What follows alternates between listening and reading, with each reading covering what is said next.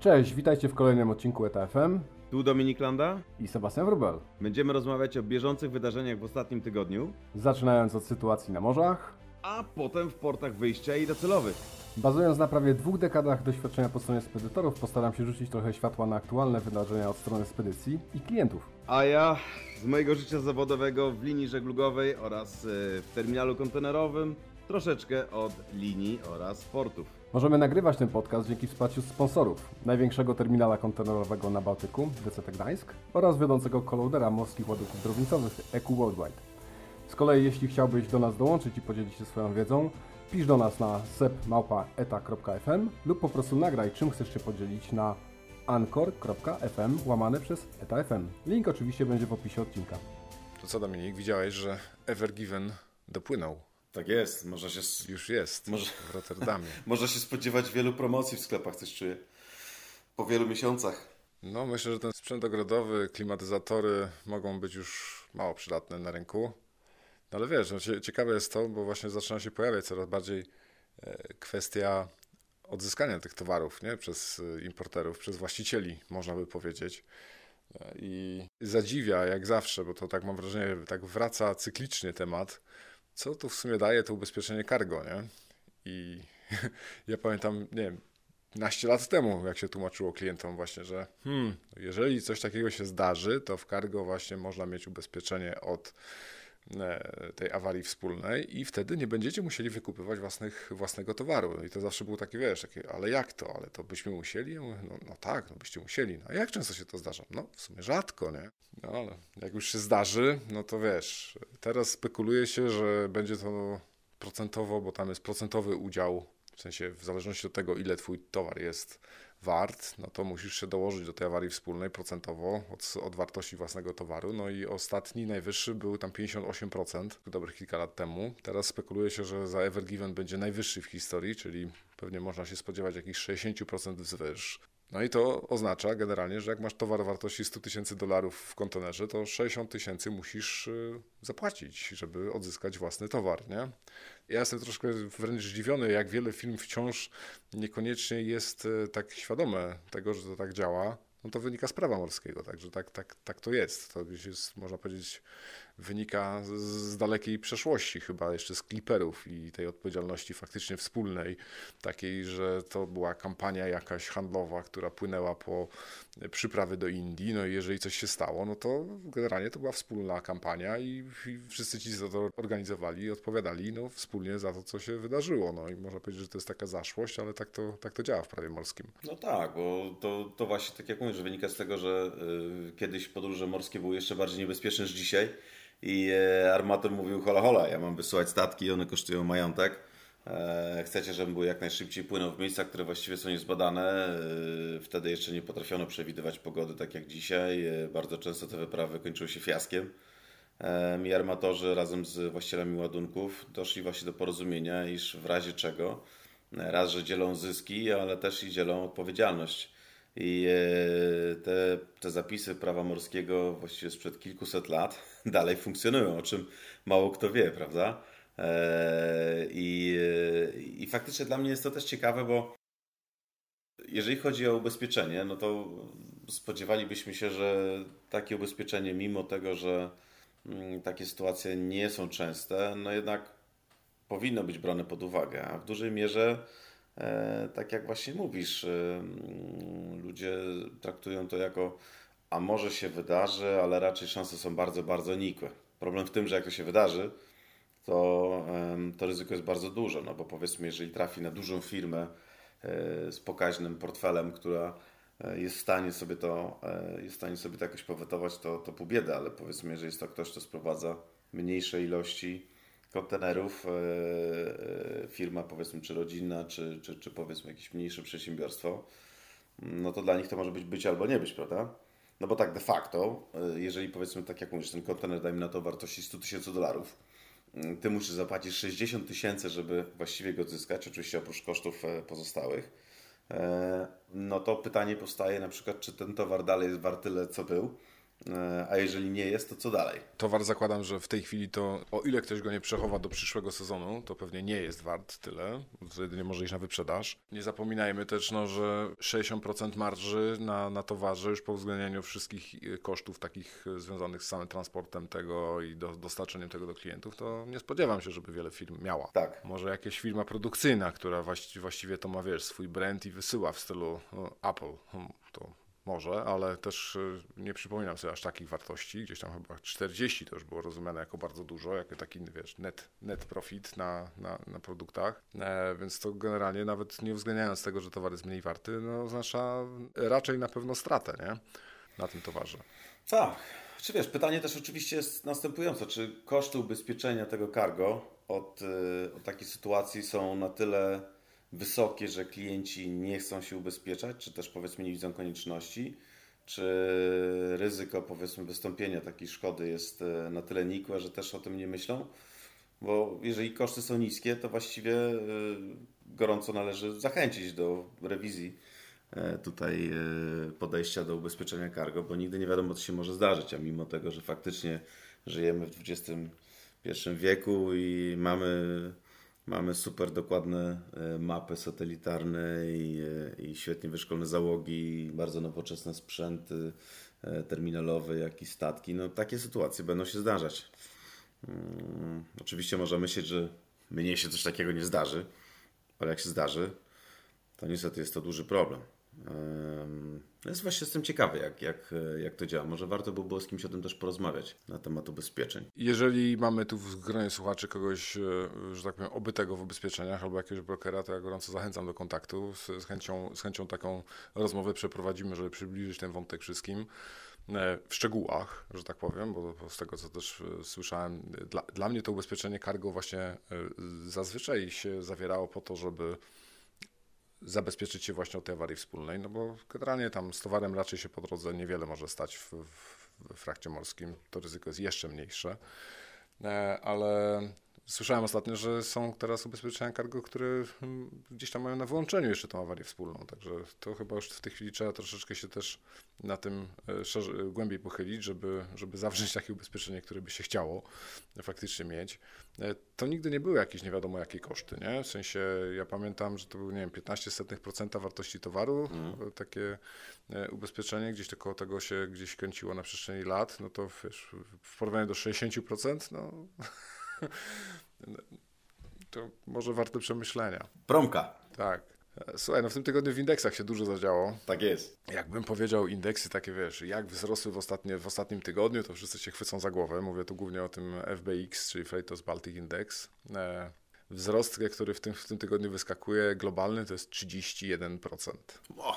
Ale to nieprawda, nie? W sensie to, to wynika ze zmiany metodologii liczenia trade'u tego transpacyficznego, na którym już e, w sumie nie wiem, kilka tygodni temu się zastanawialiśmy, jak to jest możliwe, że, ten, e, że tam jest tak z, jakoś zaciemniony ten obraz sytuacji, że tyle leży gdzieś w dodatkach, że faktycznie te, ten e, indeks nie, nie, obrazował tak naprawdę zbytnio tego, co się dzieje.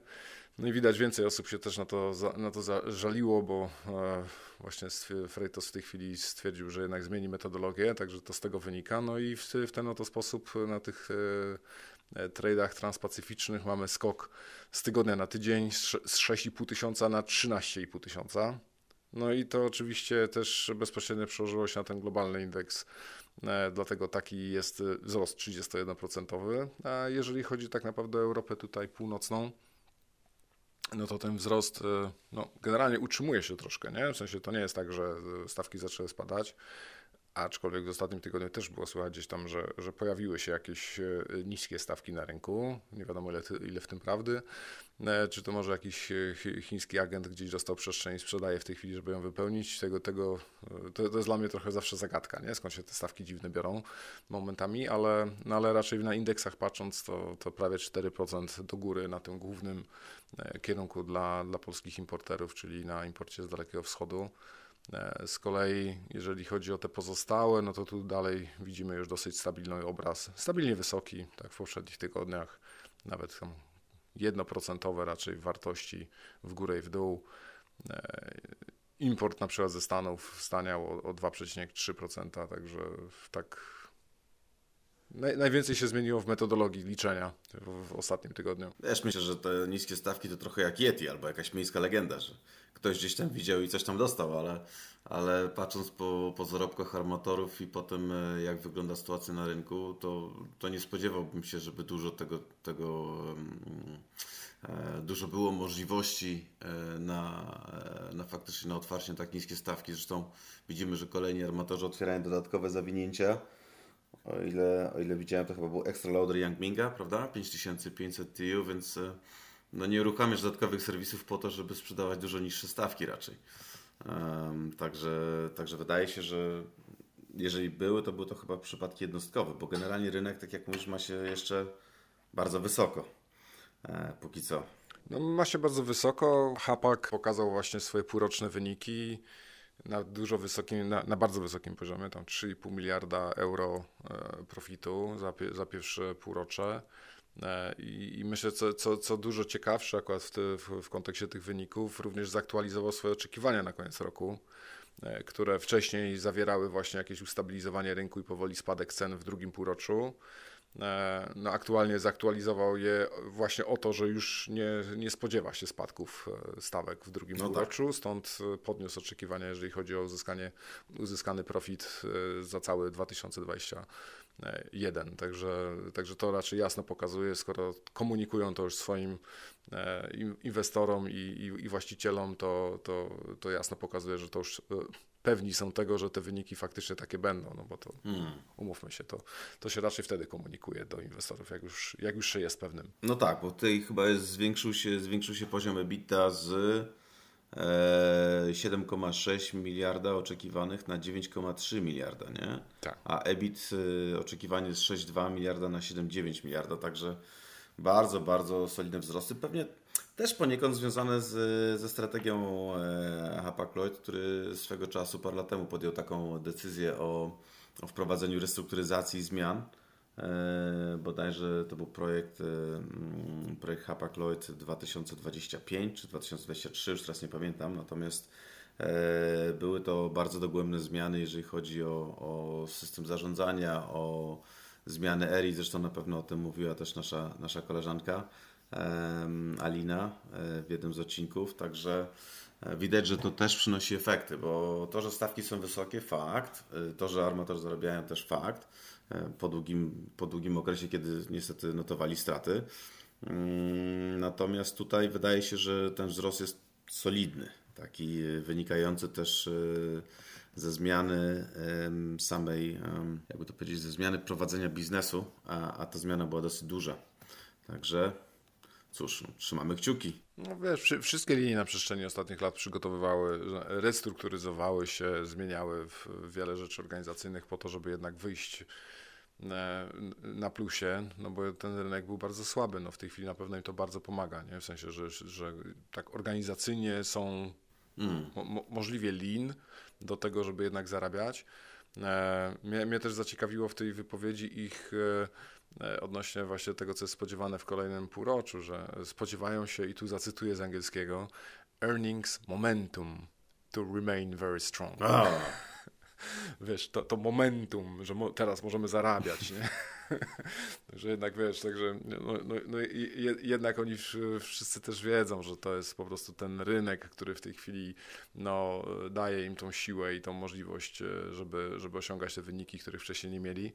E, ale e, też patrząc z perspektywy na przykład tego, ile faktycznie, wiesz, się, się wozi, nie? W, w Alfa że w, tak. pojawiły się takie fajne podsumowanie, że, że tak naprawdę mhm. te e, przeładunki w tej chwili no, gdzieś tam spadły w, na początku drugiego kwartału do poziomu w sumie przed pandemią, nie? Także to też tak podsumowuje w sumie dosyć mocno, że e, Domyślam się, że to jest tutaj nie do końca jest metodologia przywołana, ale domyślam się, że ten, ten amerykański wzrost, który jednak jest, to albo jest wyłączony, albo to jest na zasadzie średniej po prostu, że mimo, mimo tego tamtego wzrostu globalnie gdzieś tam jest do tego samego poziomu. E, I wiesz, można by pomyśleć, no dobra, no to czemu te stawki są takie wysokie, skoro w sumie tych przeładunków jest tyle samo, co było w 2019? No i odpowiedź jest w sumie prosta, nie? No bo, bo i tak sprzętu na wodzie jest dużo więcej, tylko on po prostu jest niewykorzystany, bo kongestia, bo, bo, bo, bo jakaś awaria, bo, bo coś. Także z jednej strony tych, tych przeładunków, w sensie tego towaru wcale nie jest więcej, ale z drugiej strony i tak ten sprzęt jest cały wyssany, jak popatrzysz na właśnie jednostki, które gdzieś tam normalnie stałyby zacumowane i czekały na swój czas, no to w tej chwili nie ma tych jednostek cały czas. Większość to tam jest w naprawie tych, co, co jest nieużywana, nie? Tak, no to są właśnie sprzęt i jest uwiązany, prawda? No bo albo stoi w portach, albo jest na pokładzie statków, które stoją przed portami na redzie, albo, e, albo jest w Winlandzie gdzieś tam, ponieważ też e, kolej, e, kolej nie jest w stanie przewieźć wszystkiego w takim okresie czasu i są problemy związane też z, z krótkotrwałymi podjęciami kontenerów z uwagi na COVID gdzieś tam w Azji, pojawia się tu i tam. Także co chwila coś i i tak jak właśnie mm, patrzyliśmy swego czasu, y, wolumeny właściwie wcale nie są wyższe, prawda? Mm, Ale wykorzystanie zasobów jest dużo lepsze. Właściwie jest przekroczona ta granica wykorzystania zasobów, która umożliwia e, prowadzenie normalnego biznesu, czyli armatorzy i generalnie wszyscy, i spedytorzy, i cały generalnie rynek był tak, tak dobrze już, czy tak wyśrubowany, jeżeli chodzi o użycie zasobów. Mówiliśmy o tym, że armatorzy potrzebują mieć 90 parę procent wykorzystania e, e, capacity jednostki, żeby w ogóle zarabiać, prawda? I skoro, skoro były tak małe marginesy, tak wyżułowane marginesy, jeżeli chodzi i o armatorów, i o przewozy samochodowe, i intermodal, no to w momencie, kiedy coś się, no, że tak powiem tutaj, e, mówiąc kolokwialnie, tak, spasteryzowało, no to okazuje się, że, że nie ma właściwie skąd brać i z tego właściwie wynikają głównie wzrosty stawek niebotyczne, bo, bo faktycznie nie ma, krótkoterminowo nikt nie jest w stanie temu zaradzić, bo kontenerów nagle nie wyprodukujesz więcej, statki i armatorzy zamawiają na potęgę, e, statki, które, które są w tej chwili e, zamawiane, no co, pojawią się za półtora roku, za dwa lata, prawda? E, Czyli nie pomogą w krótkim okresie. Tak jak mówisz, jeżeli chodzi o wykorzystanie floty, e, to w tej chwili z tych największych jednostek, z tego co widziałem, e, też w Alfalinerze, zresztą polecamy gorąco subskrypcję, to słuchaj, jest ile? Cztery jednostki są. Cztery jednostki na całym świecie, z czego właściwie jedna, nie, przepraszam, trzy są w stoczni. trzy są w stoczni, globalnie. Pomiędzy 7,5 a 12,5 mamy tych jednostek w sumie około 15, prawda? Z czego znowu większość jest stoczni, bo prawdopodobnie są instalowane skrabery albo przechodzą po prostu przeglądy. E, dopiero tam przy 5100 do 7,5 tysiąca wychodzi, że są jakieś e, są jakieś e, e, większe ilości, no powyżej 23-24. Także globalnie, biorąc pod uwagę, jaka potężna jest flota kontenerowa, ile to jest tysięcy jednostek, no to mówimy o kilkudziesięciu statkach. Także nie ma skąd brać. I znowu cały czas wracamy do tego samego. Na tą chwilę, żeby przewieźć tą ilość ładunku, która była poprzednio uważana za normalną, nie bardzo właściwie można pozyskać nowe zasoby. Chyba kontenery też są dużo droższe, prawda? Teraz jak się zamawia Są. kontenery same w sobie. Są, też się pojawiła taka fajna właśnie y, podsumowanie, jak wyglądają ceny w tym momencie kontenerów. No i tak jak gdzieś na przestrzeni lat, gdzieś y, około 1500-1600 dolarów za TEU była cena nowych kontenerów, nie? Draja pewnie. Mhm. Draja, draja, oczywiście, że draj. że nic specjalistycznego, nie, nie, nie. Zwy, zwykła, zwykła sucha puszka. E, 1500 do 1600, nie? Także e, w tej chwili e, 3800 za. Wow.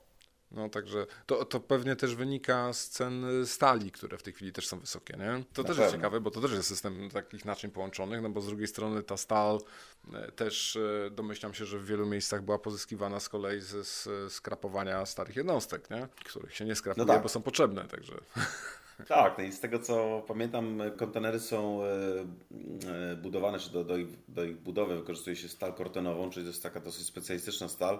Coś takiego, co widać e, między innymi na, e, na naszym pięknym tutaj budynku e, Europejskiego Centrum Solidarności, pokryte rdzą. Ma przypominać kadłub statku w zamyśle i to jest faktycznie taka stal, która pokrywa się rdzą, ale nie przerdzewieje teoretycznie na wylot. No i to nie, nie jest tania stal. Także, mm, także pewnie stąd też wynika wzrost, no bo to jest specjalistyczna stal, pewnie produkcja tej stali też jest ograniczona. E, Nie tylko ceny stali samej w sobie rosną, ale akurat te- tej pewnie jest, e, jest, e, jest mało.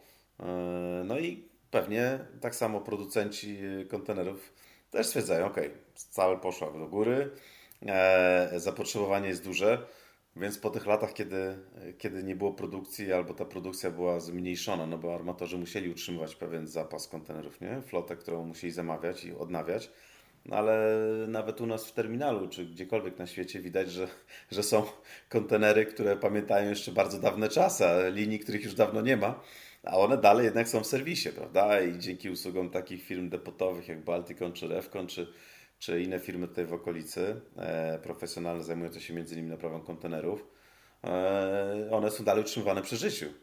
I mają się dobrze, i mają po kilkanaście lat, jednak dalej pływają. Właściwie ten izotype się za bardzo nie zmienił, więc to, co było dobre kilkanaście lat temu, nie było przełomu technologicznego, oprócz na przykład bambusowych podłóg albo, albo jakichś tam innych e, bardziej, e, bardziej ekologicznych farb, czy, czy wykorzystanie troszeczkę innego, zmniejszenia, zwiększenia loga e, na, na kontenerach, to właściwie się wiele nie zmieniło. Także tutaj widać, że, widać, że coś, co działa, może działać dalej. No tutaj z metody y, ryglowania chyba się nie zmieniły zbytnio, no bo to jest bardzo duża zmiana dla, dla branży, żeby to jakaś tam y, y, lekkie udoskonalenie miało skłonić wszystkich do tego, żeby jednak to zmienić, no bo to jednak za dużo tego sprzętu jest na świecie i za dużo infrastruktury zbudowanej pod ten konkretny typ, nie? Także, mhm. także to się raczej nie zmieni. E, ostatnio mówiliśmy troszeczkę o Hyundaiu, z tego co pamiętam, o tym jak e, tam bank e, koreański go wspierał przez ostatnie lata. Teraz też uderzyła mnie informacja, że w kolei w, taj w tajwańskim, tutaj rząd Tajwanu zmniejszy swoje, swój udział w Yangmingu, w tym, tym mniejszym tajwańskim. Tak. I, I tak zacząłem sobie czytać, no dobra, no zmniejszy, no nie wiem, czy to, to moment do sprzedaży, bo, bo pewnie jest, ale, ale, ale chyba, chyba nie o to chodzi. Z, to jest taki w sumie przykład, jak niespodziewany był, jest ten rok 2021, no i powiedzmy ta końcówka 2020, bo jeszcze w listopadzie 2020 roku, czyli powiedzmy już jak zaczął się ten system mocno tak rozpędzać, to wtedy e, rząd tajwański doinwestował jeszcze Yangminga, zwiększył swoje udziały jako, jako rządu Tajwa Tajwanu. E, ponieważ spodziewał się tego, że e, rynek generalnie zacznie szorować pod niej. Spodziewano się spadków wolumenu 30%. E, I wiesz, i, i okej, okay, były spadki wolumenu na 2020, ale w pierwszej połowie, nie w drugiej połowie, także to pewnie zawsze jest jakiś jakaś bezwładność tych, tych e, wszystkich rządowych e, programów, ale zwiększyli ten udział, pomyśleli, że wolumen spadnie. Tymczasem e, Yangming, jak cała rzesza innych linii żeglugowych w tej chwili, no, osiąga rekordowe rezultaty z perspektywy zyskowności biznesu, no i zdecydowali się jednak ten udział obniżyć, jako, jak jakby wycofując tą swoją pomoc nie? Dla, dla tego armatora. Ale mnie to uderzyło, że tutaj jeszcze jest przestrzeń tak naprawdę, nie wiem, 9 miesięcy, nie? Wpierw dokupują, teraz sprzedają. To, tak, tak, tak, tak, tak, ta branża wygląda w tej chwili, nie? Że Delik nieprzewidywalnie.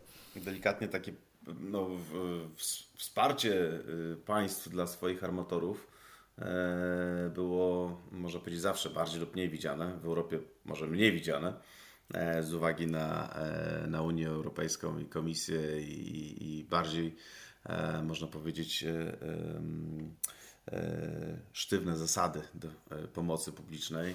O tyle e, i w Korei, i w Tajwanie mm, nie ma aż takich obostrzeń, a, a rządy chcą utrzymać, chcą utrzymać te, te przedsiębiorstwa z uwagi na to, że przecież Tajwan no to jest wyspa i generalnie potrzebują mieć silną flotę, żeby w ogóle handlować ze światem, a Korea jest bardzo potężną gospodarką, która wysyła w świat bardzo dużo i też dużo handluje i też musi mieć flotę.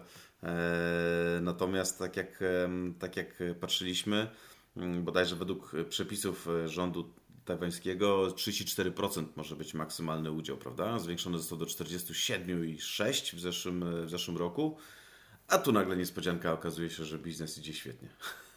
I, i można spokojnie zejść do 34%, czy tam do 30%. No tak jest, no ja tak, tak domyślam się, że z perspektywy Tajwanu tutaj jeszcze dużą rolę też gra jednak ten e, spór pomiędzy e, Chińską Republiką Ludową a, a Tajwanem, gdzie to Chińska Republika Ludowa mówi, że to Tajwan jest wyspą, którą ktoś w sumie im ukradł i rządzi pod innymi mm, rządami. Z kolei Tajwan sam o sobie mówi, że jest stolicą Chin, nie?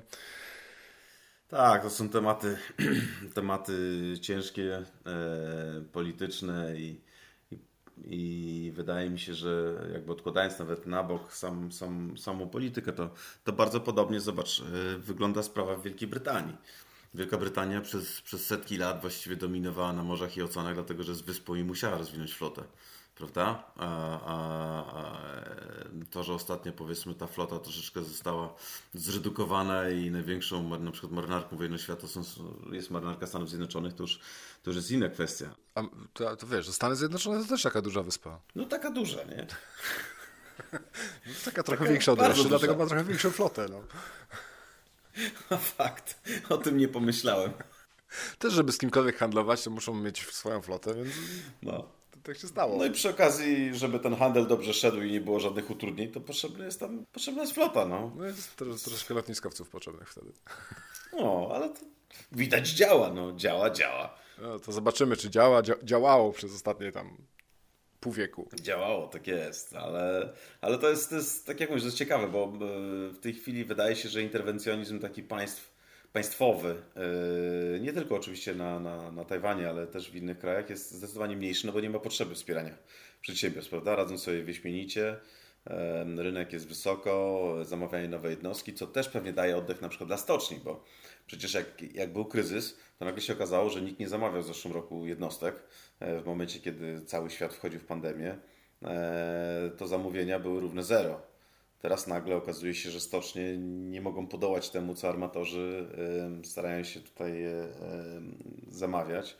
E, order book jest pewnie na, na 3 lata do przodu już zamknięty. Mm, I na przykład w takiej Korei stocznie to jest jeden z, z głównych filarów gospodarki.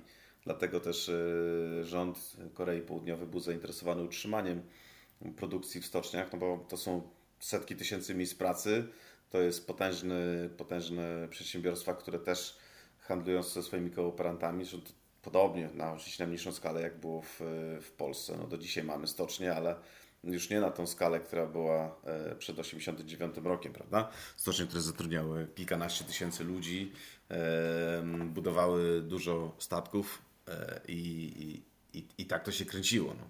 W tej chwili mamy bardzo dużo bardzo wyspecjalizowanych, bardzo dobrych przedsiębiorstw, które powstały, można powiedzieć, na, na, na, na tym, co kiedyś było stoczniami.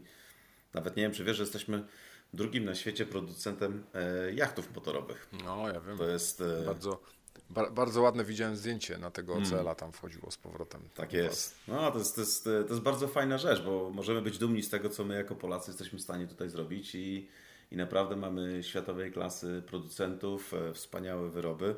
Chciałbym, żeby pewnego, pewnego dnia, żebyśmy mogli sobie, że tak powiem, taką łódkę na przykład tutaj yy, kupić na przykład i napisać ETFM i byśmy pływali na przykład portu do portu, co ty na to?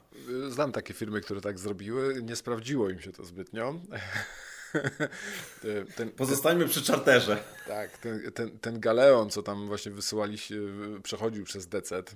Fajne zdjęcie w ogóle widziałem na waszym profilu. E, galeon, no taki luksusowy właśnie jacht motorowy wysłany do Hongkongu z tego co widziałem.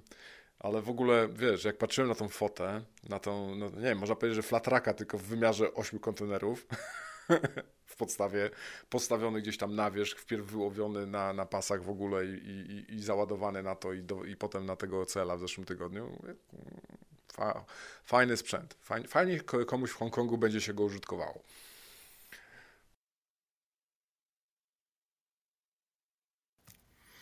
Na pewno. E, zresztą ta produkcja trafia naprawdę w różne miejsca na świecie. Dzięki temu, że mamy bezpośrednie zawinięcia i 2M i Ocean Alliance, e, producenci w Polsce mają możliwość e, wysłania tych towarów w świat. I dużo faktycznie przeładujemy tego typu sprzętu. Zresztą podobnie widziałem jak koledzy w innych portach, natomiast u nas dzięki temu, że bezpośrednio można dotrzeć do, do danego hubu i po prostu później już ten, ten E, jacht motorowy e, na dobrą sprawę e, zdejmujesz ze statku i, i może on dalej płynąć, no to, to, jest, to jest duża zaleta. Nie musisz robić przeładunków w portach pośrednich.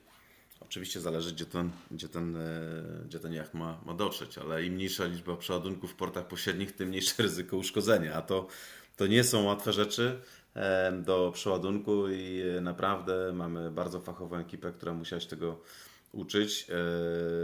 No i zresztą firmy też tym zajmują, nasi kooperanci, klienci to są, to są fachowcy w każdym calu i mamy naprawdę fajnie to zorganizowane. Także miło to widzieć, że polska produkcja trafia za granicę i naprawdę Dokładnie. możemy konkurować. Super. Na, na drogach też się tego trochę widzi, zawsze takie zafoliowane jadą, duże łodzie, także tak, to na pewno, na pewno, na pewno cieszy, nie? To jest też chyba troszeczkę e, efekt e, tego, że byliśmy bardzo dobrzy w tych e, włóknach węglowych i tam jakichś innych przetworach w lotnictwie, nie? Że ten, to się chyba jednak trochę przeniknęło, a patrząc z perspektywy kadłubów, to chyba jest podobna technologia. Tak gdzieś kiedyś zasłyszałem, nie wiem ile w tym prawdy. No ale jak już przy łodziach i, i, i budowie, to może do większych jednostek przejdziemy. Tutaj znowu jakieś były e, transakcje w tym tygodniu. MSC, jak zwykle, nie schodzi tutaj z, z języków, jeżeli chodzi o nowe zamówienia. Także tym, tym razem kupili sobie znowu dwie używki, ośmiotysięczne. E, co, co ciekawe, zapłacili 85 milionów e, za sztukę. E, te jednostki pochodzą z 2003 roku i przy ich zamawianiu jako nowe kosztowały 74. E. To jest oczywiście, wiesz, 2003 rok, to mamy, mówimy o 18 latach, jest e, deprecjacja pieniądza, także to, to pewnie było więcej wtedy niż te 85 dzisiaj, no ale tak patrząc jest jednostka do jednostki, to można powiedzieć, że droższe dzisiaj niż jak były nowe, nie? I widzisz, i tutaj, e, tutaj ma odniesienie e, hasło Niemiec płakał jak sprzedawał. No, no tak, kupione prosto w Hamburgu, także. No tak. Wszystko się tak, zgadza. Tak, ale. ale cóż, widzisz, jednostki, jeżeli są, są jednostkami dobrze utrzymanymi, a, a, a Hamburg Żyd i generalnie um, grupa Mersk bardzo dba o swój tonaż, więc jeżeli są dobrze utrzymane, no to, to generalnie jeszcze posłużą wiele lat. Yy, tutaj statki co, co, co jakiś czas przechodzą badanie klasy, yy, odnowienie klasy pod okiem Towarzystwa Ubezpieczeniowego. Yy, w Polsce mamy PRS, za granicą jest dużo więcej innych firm i one dbają o to, żeby te statki były w pełni sprawne do podróży. Wiesz, kadłuby na dobrą sprawę, jeżeli są dobrze utrzymane, mogą służyć. Jedynie elementy mechaniczne, czy powiedzmy silniki. Czasami jest, jest wymiana mm, pewnych elementów, ale na przykład ostatnio były, rozmawialiśmy też o tym, że część jednostek jest retrofitowanych, prawda, żeby zużywały na przykład LNG tam, gdzie można i tam, gdzie się da. W przypadku pewnie tych statków to nie ma sensu, są za małe, ale no ale cóż, ale na pewno na pewno jeszcze trochę popływają. No na pewno, no, to, to, to nie koniec zamówienia MSC, bo, bo jeszcze oprócz tego też z drugiej ręki 2,5 tysięczny TIU wzięli. E, a oprócz tego mówi się, że y, te dwa, dwa 16-tysięczne jednostki, pod którymi się nie pojawiła nazwa e, żadnego armatora, to, to, też, jest, to też jest MSC. Nie? Także widzę, że e, tych, tych zamówień, jeżeli chodzi o MSC, pojawia się tu e, dużo. Myślę, że śmiało możemy już powiedzieć, że, że to jest największy armator z perspektywy 2021. E, nie pamiętam już, ile tam brakowało tego tonażu, czy te dwie ośmiotysięczne plus 2,5, czy to już, czy, czy to jeszcze faktycznie brakuje jakiejś jednej małej, ale, ale generalnie to, to, to ten cel już chyba został, zostanie osiągnięty bez dwóch zdań w 2021 roku. Tak patrząc jeszcze Też. po innych zamówieniach, jeszcze pojawiła się e, dwie jednostki, dwie czy to jest jedna? Hmm, dla Merska, te takie 5200, dwie. O, Orka 1. Tu są dwie jednostki chyba, tak. Ultrakompaktowe, tak. cokolwiek by to miało znaczyć. No, Przyznam, że, te, że, że, tego e, oznaczenia nie widziałem wcześniej, także nie wiem, czy on ma się różnić. Jakoś jak rozmawialiśmy o tych jednostkach, które miały tam właśnie operować na e, tych lo, lokalnych terytoriach, to, to ta nazwa się nigdzie, nigdzie nie pojawiła. To też zasila, zasila flotę Merska w tym momencie w e, relacji od Morza Czarnego e, na Middle East. Także powiedzmy taka, która nie do końca dotyczy tutaj naszych rynków, ale, ale widać, że to też jest właśnie już ta taka flota, która idzie w takie regionalne E, serwisy. I jeszcze też do Yangminga trafia e, od razu po wyjściu ze stoczni 11860 TU. E, I tutaj widać, że Tajwańczycy zamawiają w Japonii, bo to z, z japońskiej stoczni wychodzi. A, myślę, że teraz się zamawia wszędzie, gdzie są wolne moce produkcyjne. Może być. Może Ale być. faktycznie duża, Evergreen na przykład e, też zamawiał dużo w, w japońskich stoczniach, e, czy, czy dalej zamawia, także jest jakaś faktycznie tradycja. E, no najprawdopodobniej e, znowu wchodząc, e, wchodząc w tematy polityczne, no Tajwan nie, nie, bardzo chciał, czy mógł, czy, czy, czy była taka możliwość zamawiać w Chińskiej Republice Ludowej, więc pewnie musiał szukać innych stoczni, a stoczni japońskie są bardzo dobre, może nie są najtańsze, ale są na pewno bardzo dobre. Zresztą największy statek świata swego czasu to był Seawise Giant, ten tankowiec, czy, który już w tej chwili najprawdopodobniej można, można używać do golenia postaci żletek. E, Natomiast ten statek też był budowany w japońskiej stoczni. E, Więc e, Japończycy mają bardzo długą tradycję robienia dobrych statków. W tej chwili właściwie chyba największym producentem są, są Chiny, drugim jest Korea, później pewnie Japonia. O, o, naszym, o naszym przemyśle stoczniowym, jeżeli chodzi o duże statki kontenerowe, to, to nawet nie wspominam, bo, bo nie wiem, czy jeszcze są w ogóle jakiekolwiek budowane. Robimy inne rzeczy. Nie, nie, tutaj. Tu, I tam jesteśmy bardzo. Tak, jest. Dużo lepiej nam wychodzą luksusowe jachty. Może, może niech tak zostanie. Ni- Niestety, to nie ma się co cieszyć. Nie? W sensie ten przemysł był bardzo silny i bardzo go szkoda, aczkolwiek e, chyba jednak ta ekonomia e, budowy tego w miejscu, z którego wypływa najwięcej towaru na świecie, działa lepiej i chyba sporo tu waży w tym, w tym równaniu. Też, a poza tym wiesz co, y, produkcja na masową skalę jednostek prostych, a takimi są kontenerowce, to nie są jednostki specjalnie, specjalnie skomplikowane. To na dobrą sprawę są, y, są jednostki z dużą, wiesz, z dużą y, ilością miejsca ładunkowego, o dosyć, dosyć prostych systemach, em, na pewno nieporównywalne na przykład do statków pasażerskich.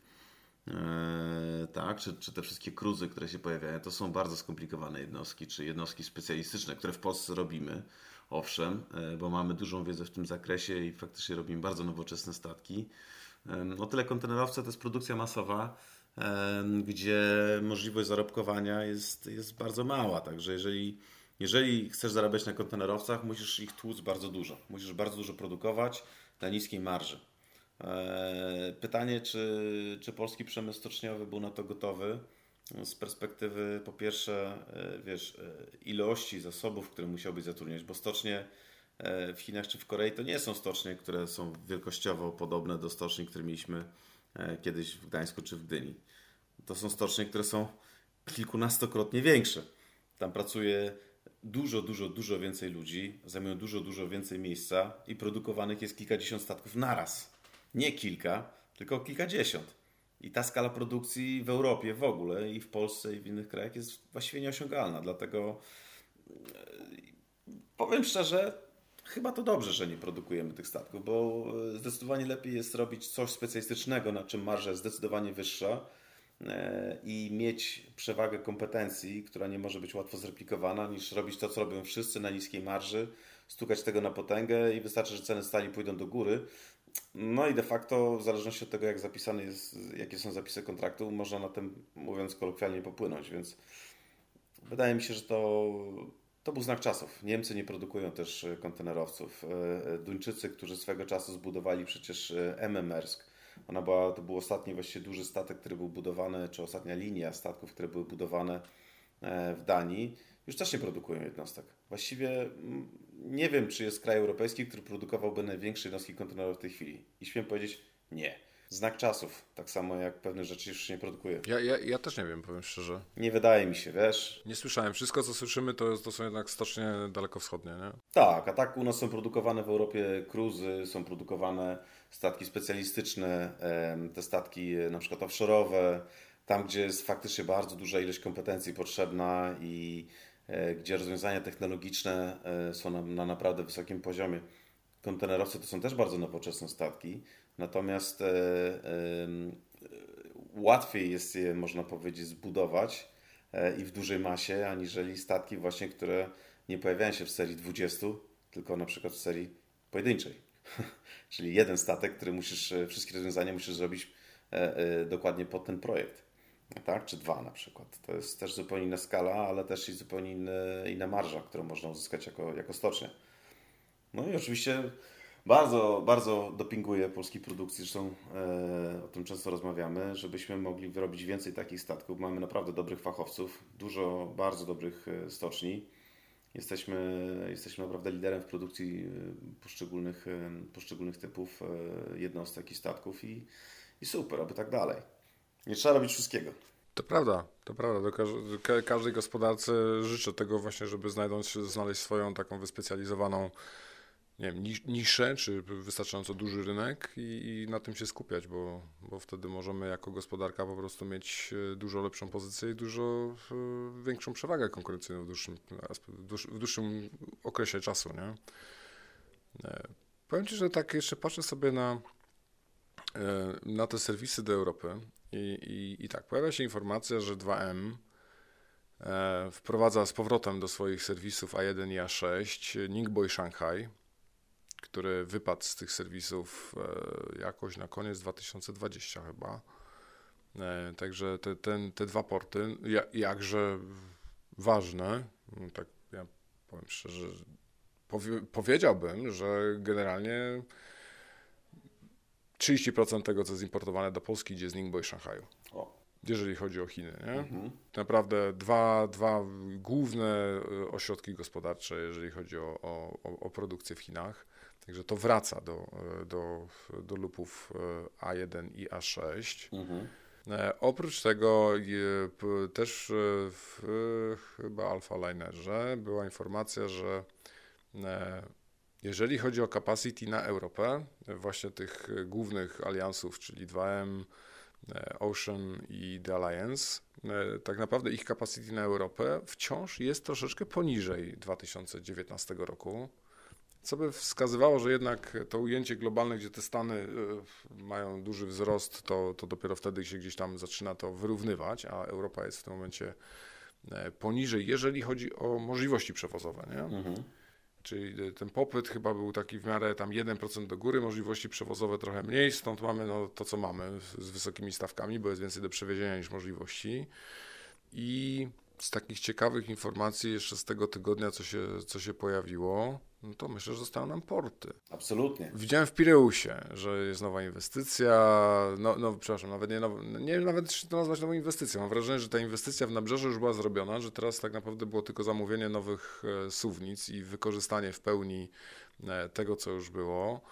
E, także właśnie przypłynęły suwnice na tym takim ładnej jednostce, która wiezie już je w pełni zmontowane z Chin, przywiozła. Co ciekawe, jeszcze po, po drodze zawinęło do Turcji, żeby tam chyba dwie wystawić gdzieś e, w, w porcie tureckim, no, a reszta przypłynęła do Pireusu. Mówimy tu o tym Pireusie, w którym Costco jest e, tam 49% właścicielem, stąd też nie dziwi, że te suwnice przypłynęły z, z Chin e, takie w pełni zmontowane, no bo to jednak jest wpływ, mam wrażenie, tego głównego udziałowca. E, no ale tym, tym samym po, e, po instalacji tych suwnic Pireus będzie miał e, przepustowość 6,5 miliona TIU, czyli chyba milion więcej niż rok temu. Tak, wydaje się, że jest to więcej, znaczy inaczej. wolumen, jaki przeładowali w 2020 to było chyba 5,44 miliona, nie? także wydaje się, że tutaj jest to ostatni, ostatni dzwonek żeby dalej zainwestować. Widać, że w momencie przejęcia części udziału przez Costco przeładunki w Pireusie poszły bardzo, bardzo mocno do góry. Eee, I faktycznie tutaj wszelkie działania jednego z największych armatorów doprowadziły do zwiększenia wolumenu i, i inwestycje, które zostały poczynione, prawda? No bo cały czas słyszymy o nowych, nowej infrastrukturze, nowym sprzęcie. E, to pokazuje, że e, Costco traktuje to tą inwestycję bardzo priorytetowo i e, jest to, e, można powiedzieć, uzupełnienie strategii e, Chińskiej Republiki Ludowej, jeżeli chodzi o rozwój połączeń intermodalnych, tak, czyli kolei powiedzmy międzykontynentalnej łączącej Chiny z Europą. Drugim jakby elementem tego tego, tej strategii, powiedzmy, połączenia Chin z, z Europą jest właśnie budowa połączeń morskich. Mamy inwestycje Costco w Pireusie, mamy inwestycje również w Belgii, mamy inwestycje częściowe w Niemczech, więc Tutaj e, wydaje się, że jest to dobrze zaplanowana, długoletnia strategia. I ona e, najprawdopodobniej będzie prowadziła do tego, że faktycznie e, będą tam w tych portach, w których jest udział chińskiego przewoźnika, tam będą, można powiedzieć, skupiać się serwisy też oceaniczne, które będą płynęły z, z Chin do Europy, bo to jest zabezpieczenie przez Chińską Republikę Ludową rynków zbytu, można powiedzieć, prawda? Tak jest. To o to w tym chodzi, nie? Tak jest. I sama inwestycja w Pireus, jakby bez, bez tego kontekstu, no nie miałaby sensu specjalnego. Innego niż normalna inwestycja rynkowa. No nie, no Chińska Republika Ludowa wybitnie w ten sposób e, postępuje. To widać na praktycznie każdym kierunku, nie? Tu mówimy, to jest ten powiedzmy kierunek południowy. Oprócz tego ten, tym centralnym jest cała inwestycja w jedwabny szlak, który w tej chwili też jest pod e, dużą presją. A właśnie. Jeżeli chodzi o kongestię, no też z zeszłego tygodnia gdzieś widzimy informację, że e, kilkadziesiąt pociągów, 29 konkretnie, stoi sobie w Altynkolu, gdzieś na, w, w kierunku Brześcia. E, I, no i tu też mówimy o kilkutygodniowych opóźnieniach z tego tytułu, także to jest pod e, dużą presją taką też, jeżeli chodzi o, o zapotrzebowanie rynku. No ale jeszcze mówimy o tej północnej nitce, tej e, arktycznej, e, która też się pojawiła chyba nie, nie w, zeszłym tygodniu, tylko w dwa tygodnie temu chyba pojawiła się informacja o, o, o nowu, nowych działaniach jakichś atomowych w tym momencie jednostek, które mogłyby tamtędy przepływać.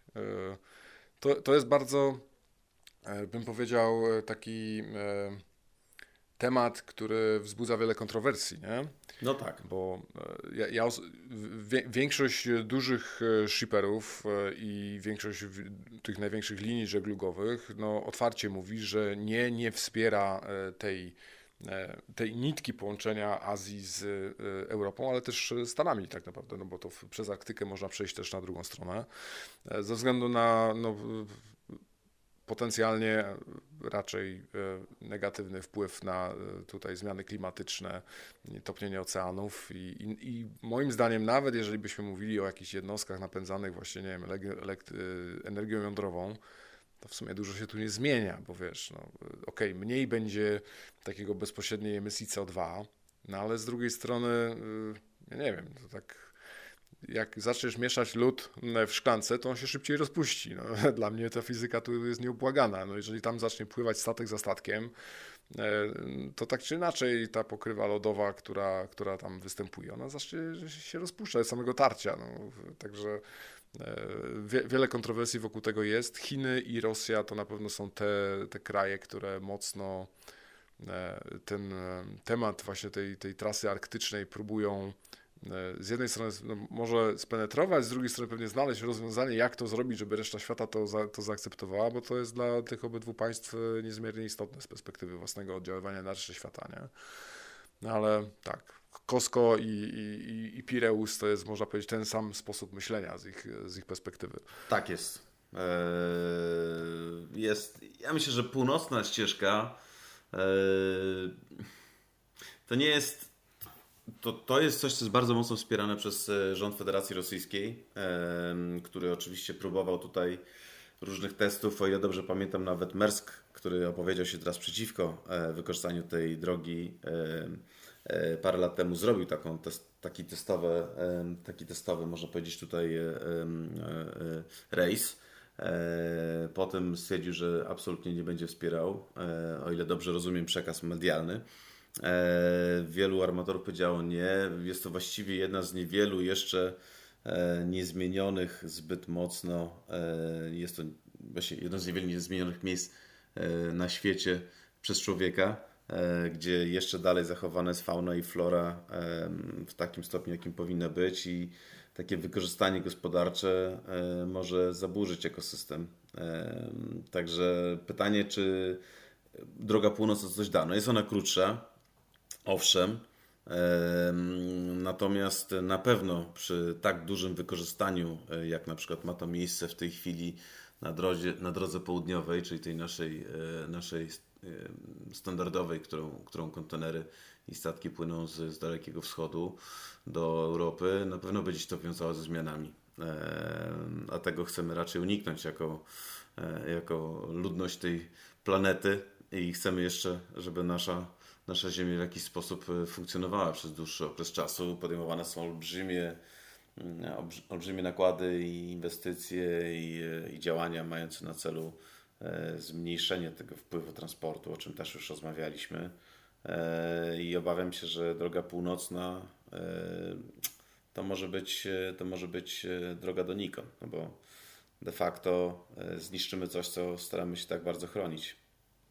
Nie jestem oczywiście tutaj e, e, fachowcem, jeżeli chodzi o ochronę środowiska, ale wydaje mi się, że e, jeżeli możemy coś zachować w takiej formule niezmienionej, przyrodę, to chyba należy to zrobić, niezależnie od tego, czy, czy dzięki temu ktoś miałby jakieś oszczędności. Tak jest, pełna, pełna zgoda na tym polu. Patrząc jeszcze z polskiego rynku, też pojawiła się w zeszłym tygodniu bardzo ciekawa informacja o umowie e, zbycia Hartwiga A, tak. do Renusa niemieckiego.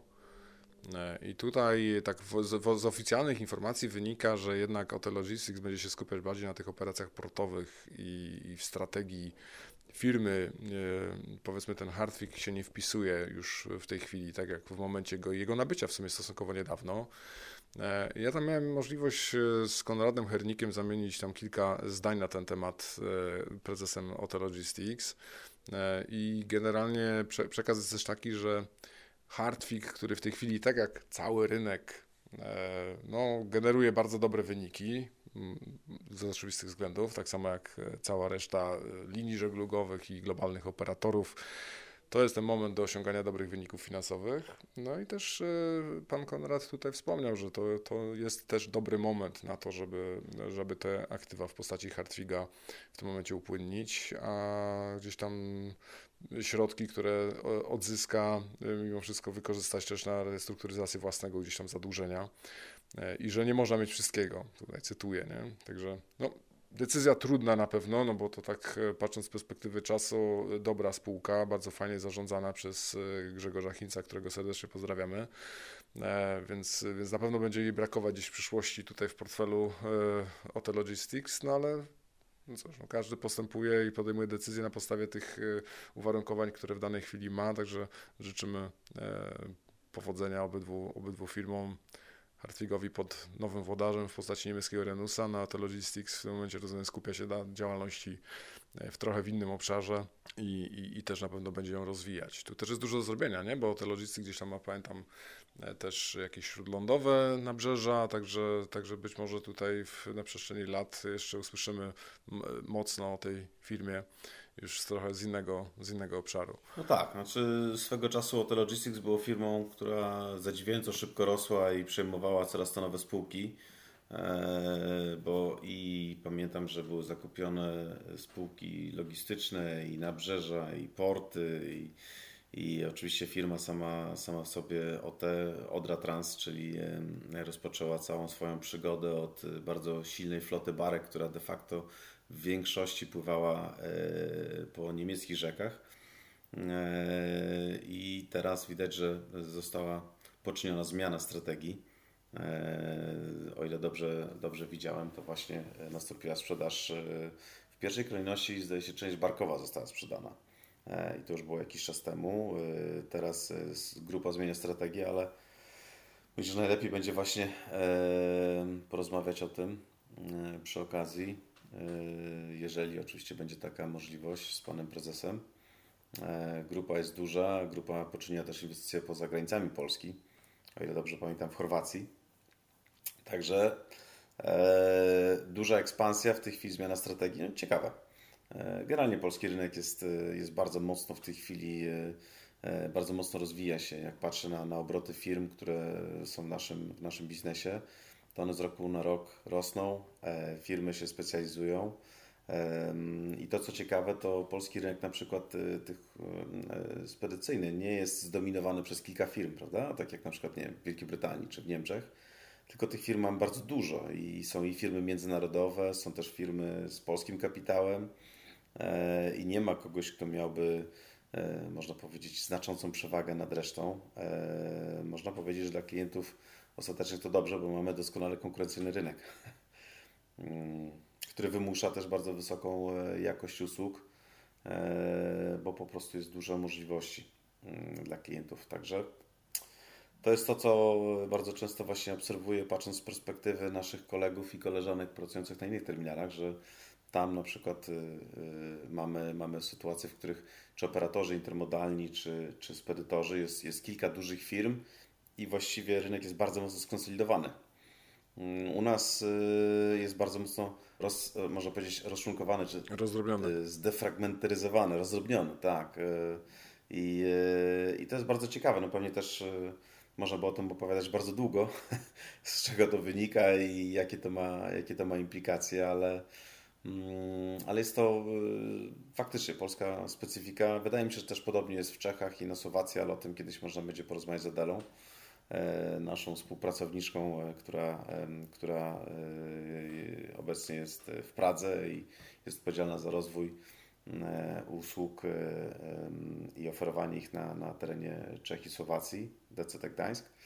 Także to jest chyba taka, e, taka specyfika Europy Środkowo-Wschodniej. Oczywiście mówimy o sobie Europa Środkowa. Natomiast wschodnia, mówię tutaj bardziej też z perspektywy krajów, które są troszeczkę bardziej na wschód od nas.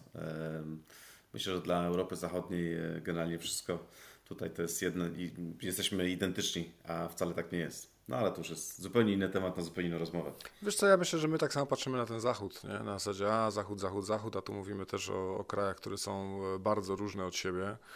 E, a, ale to jest, to jest niezmiernie ciekawe. Ja pamiętam e, w jednym z odcinków Adam Sobolewski, który gdzieś tam dużo lat spędził w branży kosmetycznej, też e, właśnie takie porównanie wysunął, nie? że na świecie generalnie ta branża kosmetyczna jest mocno taka scentralizowana wokół głównych takich e, już konglomeratów, które, e, które działają właśnie w, ty, w, tym, w tym biznesie, jak